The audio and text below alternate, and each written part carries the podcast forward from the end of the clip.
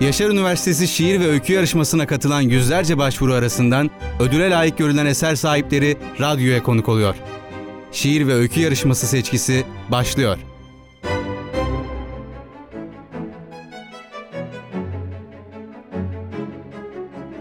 Yaşar Üniversitesi Radyosu Radyo'dan tüm dinleyenlerimize merhaba. Geçtiğimiz Haziran ayındaki çevrim içi ödül töreniyle dereceye giren eser sahiplerinin ödüllendirildiği, Yaşar Üniversitesi Şiir ve Öykü Yarışması'nın ödüle layık görülen eser sahiplerini daha yakından tanıyarak, eserlerini kendi seslerinden dinlediğimiz programımızın bu haftaki konuğu, yarışmaya Cam Kenarı adlı öyküyle katılarak üçüncü olan Yaşar Üniversitesi Hukuk Bölümü öğrencisi Sayın İnanç Düzgün. İnanç hoş geldin. Hoş bulduk. Teşekkür ederim. Nasılsınız? Teşekkür ederim. Seni gördük. Çok daha iyi olduk. Çok sevindik. teşekkür ederim, Burada bulunmam bizim için büyük mutluluk. Benim için de teşekkür Öncelikle ederim. kazandığın bu değerli başarı için çok tebrik ederim. Başarılarının daim olmasını dilerim her Teşekkür zaman. ediyorum. Sağ olun. Ee, öykü yazdığına göre haliyle edebiyatı çok seviyorsun. Çok seviyorum. Hemen ilk sorumla başlıyorum. İlk olarak ne zaman edebiyat okumayı sevdiğini fark ettin? Yaşar Üniversitesi benim ikinci üniversitem. Ee, ilk üniversitem Türk Dili Edebiyatı Bölümü. Uludağ Üniversitesi mezunuyum. Ya tam da soruyu Tam da sormuşum soru ya değil evet mi? geldi. 99 yılında ilk üniversite sınavına girdiğimde Edebiyat Fakültesini tercih etmiştim. Yani çocukluğumdan beri aslında içimde edebiyata karşı bir yatkınlık var. Muhtemelen defalarca sorulmuştur bu soru ama yine de soracağım. Peki yazmaya ne zaman başladın? Ne zamandan beri yazıyorsun? O çocukluk dönemine gidelim. Kaç yaşlarına denk gelir bu dönem? İnsan kendi tarihini bilemezmiş diye bir laf var da Hı hı. şöyle söyleyeyim hani Sylvia Plath var şair. Evet. Bizde Nilgün Marmara'ya denk gelir. Aynı tarzda şiirler yazarlar. İkisi de çok iyi şairlerdir. Sylvia Plath'ın çok güzel bir lafı var. Yazmasaydım çıldıracaktım ya da ölecektim diye Türkçe'ye Ne çevrilir. güzel. Yani e, ne zaman yazmaya başladım bilmiyorum. Hani herhalde elime ilk kalem aldığımdan beri bir şeyleri ifade etme. Hani kendi içimde saklanma ya da kendi gerçekliğimi yaratma üzerine bir şeyler yapmaya çalışıyorum. İlkokuldayken ya da ortaokuldayken gibi bir şey söylememiz pek mümkün değil galiba. Tabii insan kendi bilincinin farkına vardığı zaman, kendi içine yolculuk yapmaya başladığı zaman bilinçli olarak aslında yazmaya başlıyor. Yoksa ne zaman kendimizi fark ettik, o zaman kalemi nasıl tutacağımızı öğrendik diyelim. Şimdi bilinçli olarak yazmaya başlıyor dediğin için sorayım. Yazdığın metinlerin öykü olması peki bilinçli bir tercih mi? Kendi açımdan konuşayım. Hani herkesin öyküsü, hikayesi şeyi farklıdır. Hani e, standart değildir ama bir şeyin şiir mi olacağı, öykü mü olacağı benim için aslında kalemin ucuna gelince belli oluyor. Hani içimde bir karışıklık, bir duygular karmaşası var ama hani oturayım da ben bunu öykü yazayım ya da oturayım da şiir yazayım değil. Kalemin ucundan nasıl döküldüyse hani bir yerden sonra size ele geçiriyor. Ben öykü olacağım diyor ya da ben şiire döneceğim diyor benim için. Şimdi şiirin de adı geçti. Başka türlerde de yazıların var mı sadece öyküm yoksa? Yok şiir ve öykü üzerine daha roman yazacak kadar demek ki sabrım ve birikimim yok. Aslında şiiri çok seviyorum şiirli olarak. Çünkü şiir konsantre ama açtığınız zaman bambaşka dünyalara götürüyor sizi. Öykü de aynı şekilde. Kısa ama öz bir öyküden bir roman çıkartabilirsiniz. E, Bambaşka dünyalara sizi götürebilir. Sanırım ben kısa, öz, konsantre şeyleri seviyorum. Yani bir kelimeyle çok şey anlatma, kısa şeyle çok şey anlatma tarzını daha çok seviyorum. Peki bu kıyaslamayı yapar mısın? Şiir mi biraz daha şimdi- baskın kalır? Şöyle hani hepsinin lezzeti farklı. Şimdi şiir bambaşka bir şey, öykü bambaşka bir şey. Hani hepsini kelimelerle yapıyoruz, kelimelerle anlatıyoruz ama bambaşka bir şey.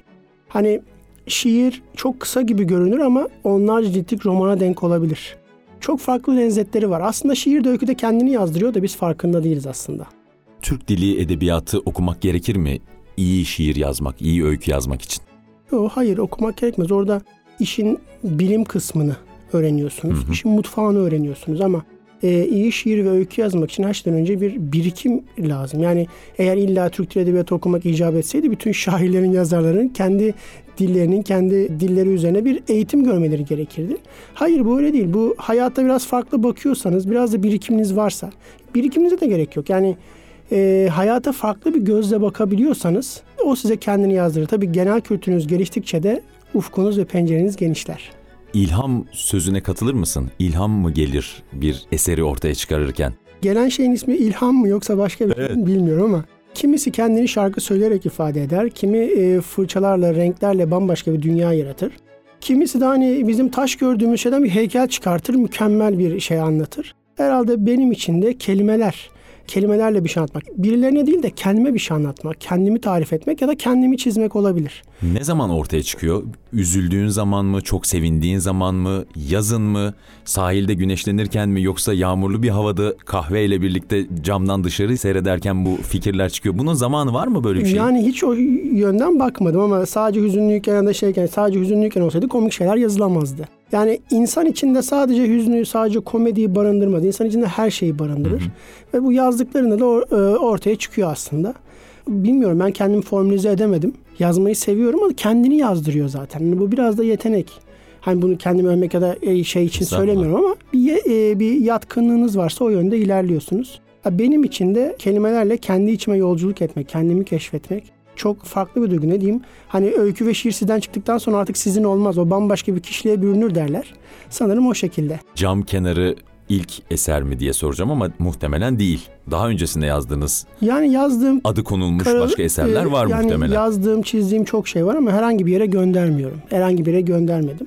Şimdi ikinci üniversite olarak okuyunca tekrardan bir üniversite e, şey e, ateşi yanınca içinde. Ne Çünkü güzel. okumak istediğim bir bölümde uzun süreden beri. Yaşar Üniversitesi'nde zaten takip ediyordum. Yeni nasip oldu. Böyle bir öykü yarışması olunca kendim gibilerle bir arada olmak. Yani kendim gibi öykü yazanlarla, şiir yazanlarla Ne güzel. bir şeyler konuşabilmek, bir şeyler paylaşabilmek. Yani ille birinci, ikinci, üçüncü olmak değil.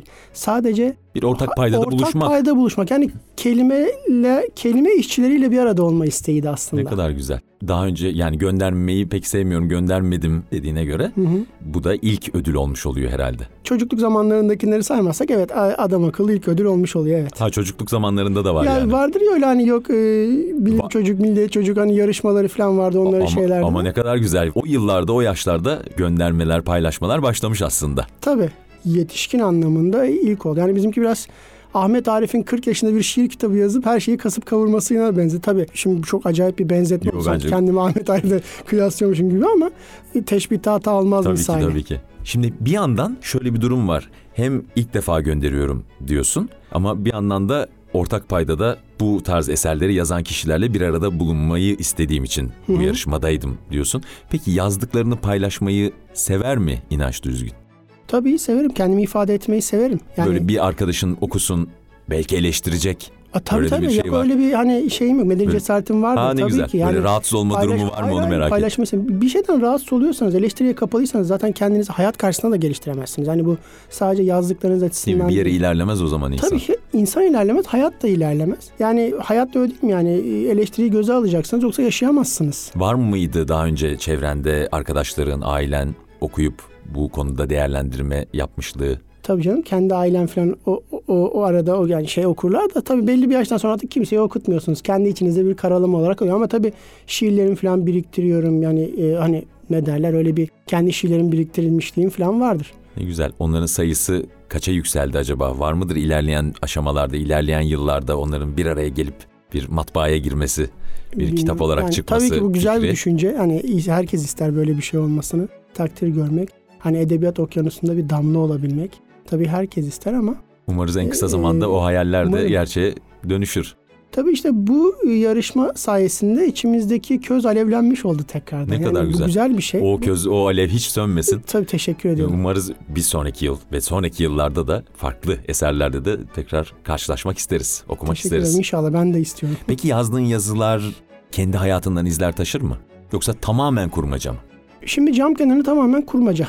E, düş ama hayatın içinde olabilen bir kurmaca. Karşılaşabileceğiniz bir kurmaca. Şimdi herkes yazdığından biraz kendini yansıtır. Ama bu direkt kendi olayı, kendi yaşanmışlıkları değildir. Zaten kendi yaşanmışlıklarınızı anlatıyorsanız bunun adı bambaşka bir şeydir. Yani biyografi yazıyorsunuz demektir. Bu öyle değil ama tabii ki her yazar üslup bakımından, üslup dediğimiz şey aslında kişinin kendisini yansıtır. Ama cam kenarında anlatılan kişi ben miyim? Hayır değilim. Cam kenarında yapılan öyle anlattığımız gibi bir kafe var mı? Hiç hayatımda görmedim. Ama hayatımda gördüğüm imgelerin birleşip bir dünya yaratılıp kağıda dökülmüş halidir. Ama böyle bir yer var mı? Yok. Ama metroya yürürken saçlarınızın rüzgarın rahatsız ettiği var mı? Tabii ki Tabii var. ki var. Hayatın içinde. Ama cam kenarındaki insan, kişi, kadın, kedi var mı?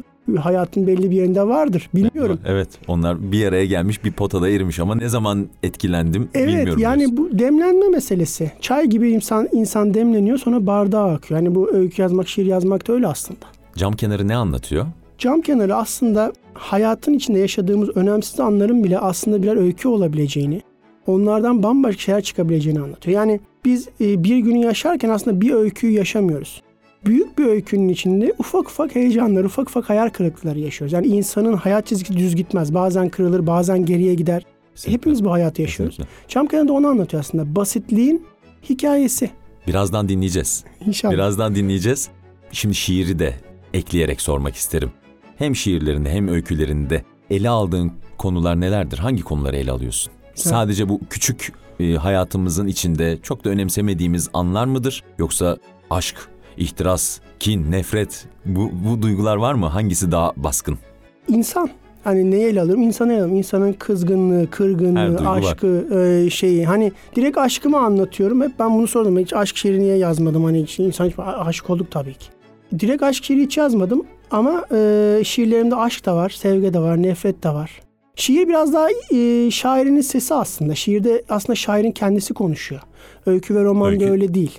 Öykü ve romanda tabii e, öykü ve romanda kurmaca zaten. Hani bir hayat bir şey yaratıyorsunuz ama Şiirde onu yapmak pek şiirde mümkün değil. Şiir sizin sesiniz. Sizin gönlünüzün sesi yani içinizden gelen bir ses olduğu için hay sizi yansıtıyor. Hani işte orada kaleme kendinizi koyuyorsunuz. Orada belli oluyor. Peki Tabii. o zaman şiiri sormak lazım demek ki. Evet. Şiirde peki baskın duygular neler? Oradan bir inanç düzgünün yapısını ortaya çıkarmak için soruyorum. Hangileri daha baskındır? Yani hem her şeyi anlatıyor hem de insan diyorsa hiçbir şey anlatmıyor. Ya da şöyle yani için yani aslında bir isyandır şiir. İnsanın kendisine ve hayata karşı bir isyandır. Bir sestir, bir soluktur. Şiirler kısadır ama çok şey anlatırlar. İnsanı anlatırlar.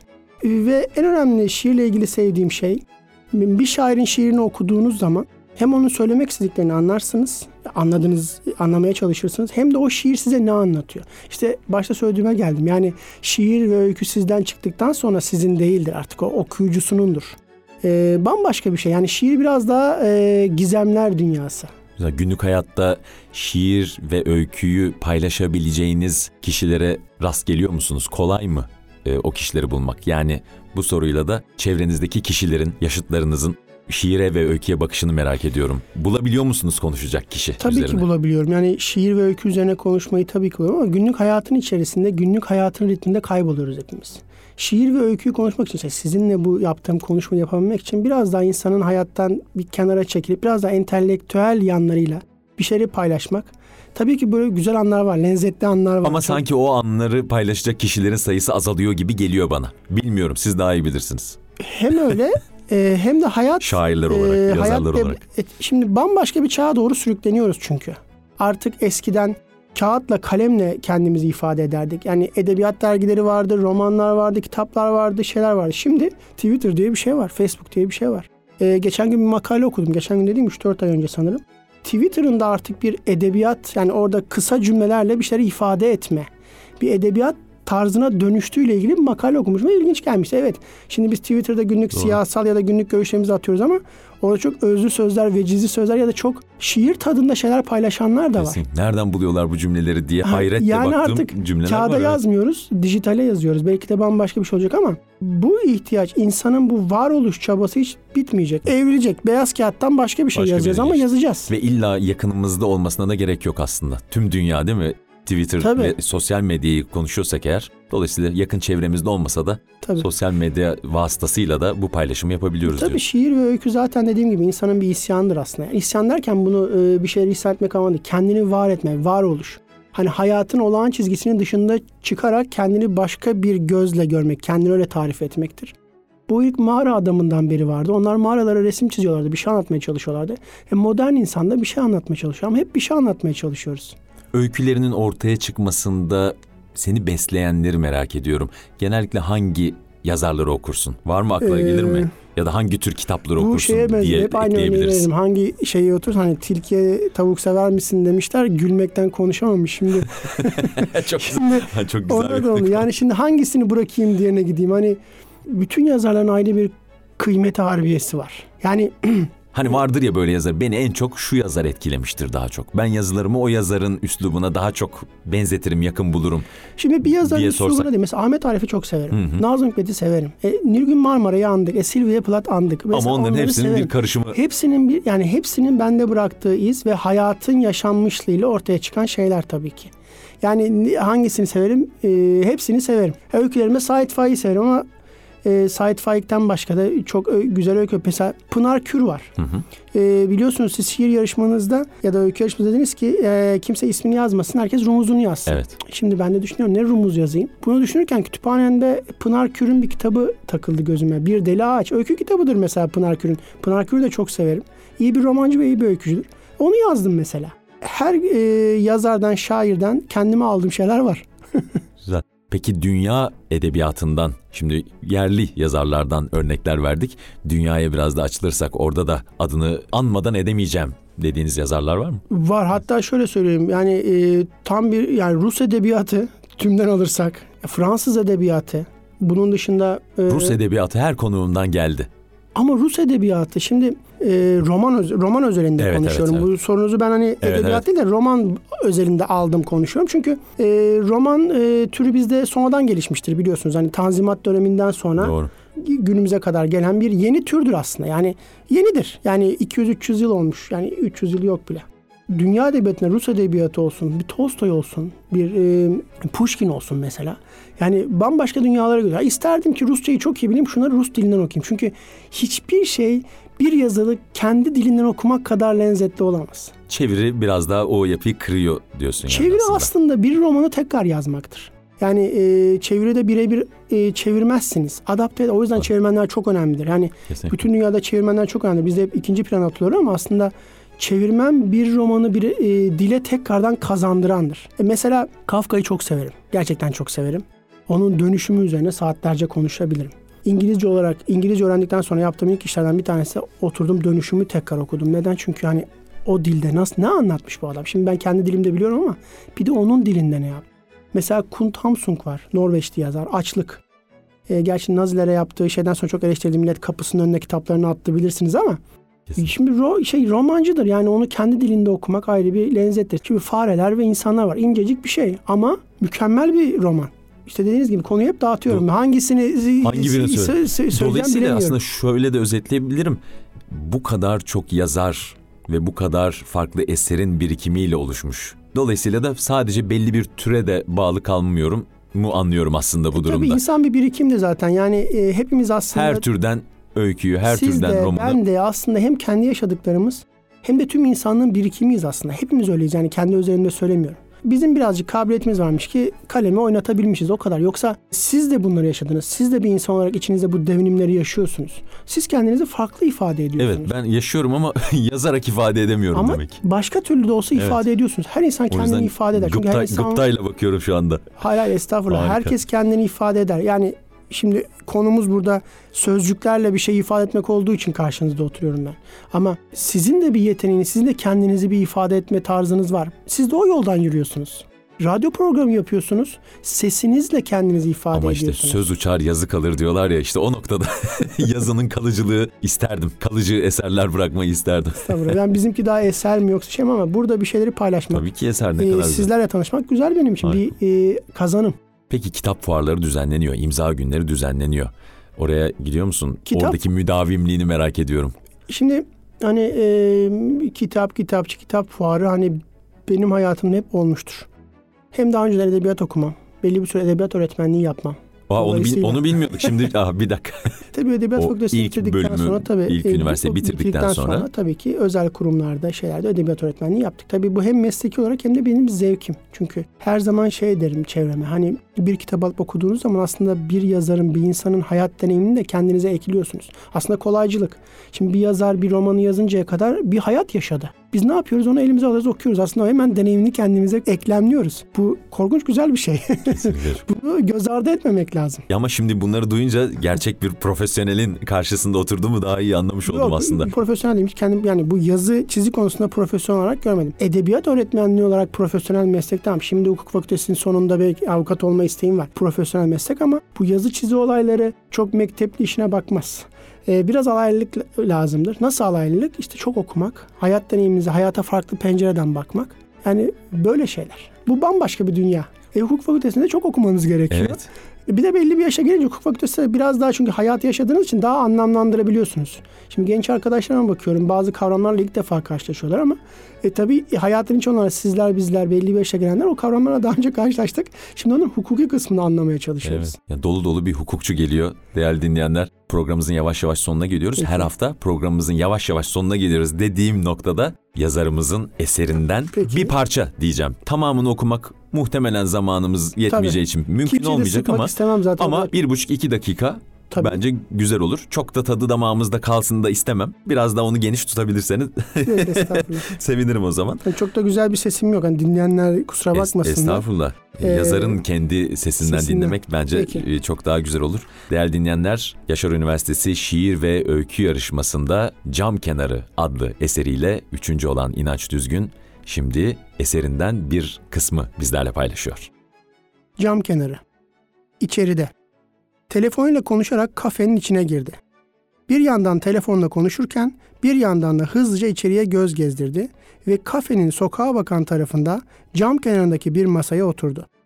Bir eliyle masanın üzerindeki tuzlukla oynarken bir yandan da telefona kısa cümlelerle yanıt veriyordu. Aslında son 5 dakikadır konuşmayı sonlandırabilmek için fırsat kolluyordu. Ama belli ki karşı taraf henüz konuşmayı bitirmek istemiyordu. En nihayetinde telefonu kapatmayı başardı. Sıkılgan bir edayla derin bir nefes verdi. Ne zaman annesiyle telefonda günlük olağan konuşmasını yapmak zorunda kalsa hep böyle oluyordu. Söyleyecek sözleri tükeniyordu. Bir rutinin içinde hapsolmuş gibi hissediyordu kendini. Oysa ki anlatmayı severdi. Telefonu masanın üzerine bıraktıktan sonra gözleriyle garsonu aramak için kafasını kaldırdı. Garson da onun telefon mesaisinin bitmesini bekliyor olacak ki ona doğru bakıyordu. Garsonun yanına gelmesine fırsat vermeden eliyle havada hayali bir çayı karıştırıyormuş gibi yaparak siparişini verdi. Sandalyesini düzeltti, az önce oynadığı tuzluğu yerine koydu, telefonunu görebileceği bir konuma getirdikten sonra ellerini masanın üzerine kavuşarak sokağı izlemeye başladı. Harika. Devamını ve tamamını daha doğrusu merakla bekliyoruz. Buradan küçük bir hatırlatma yapmak isterim. Kasım ayında Yaşar Üniversitesi Kütüphanesi'nin web sayfası üzerinden yarışmamıza katılan ve dereceye giren tüm eserlerin tam halini indirip okuyabileceğiz. Bence güzel bir haber. Bence de güzel. Merakla da bekliyoruz o paylaşımın yapılmasını. Programımızın sonuna geldik. Teşekkür ediyorum beni davet ettiğiniz için. Güzel program oldu. Katılım için çok teşekkür ederim. Ben teşekkür Ağzına ederim. sağlık. Teşekkürler. Başarılarının devamını, edebi yolculuğunun hiç bitmemesini dilerim. İnşallah. Bundan sonra da bol ödüller her zaman hayatında olsun. Teşekkür ederim. Sağ olun. Değerli dinleyenler, programımızın sonuna geldik. Şiir ve öykünün hayatınızdan hiç eksilmemesini dilerim. Hoşçakalın.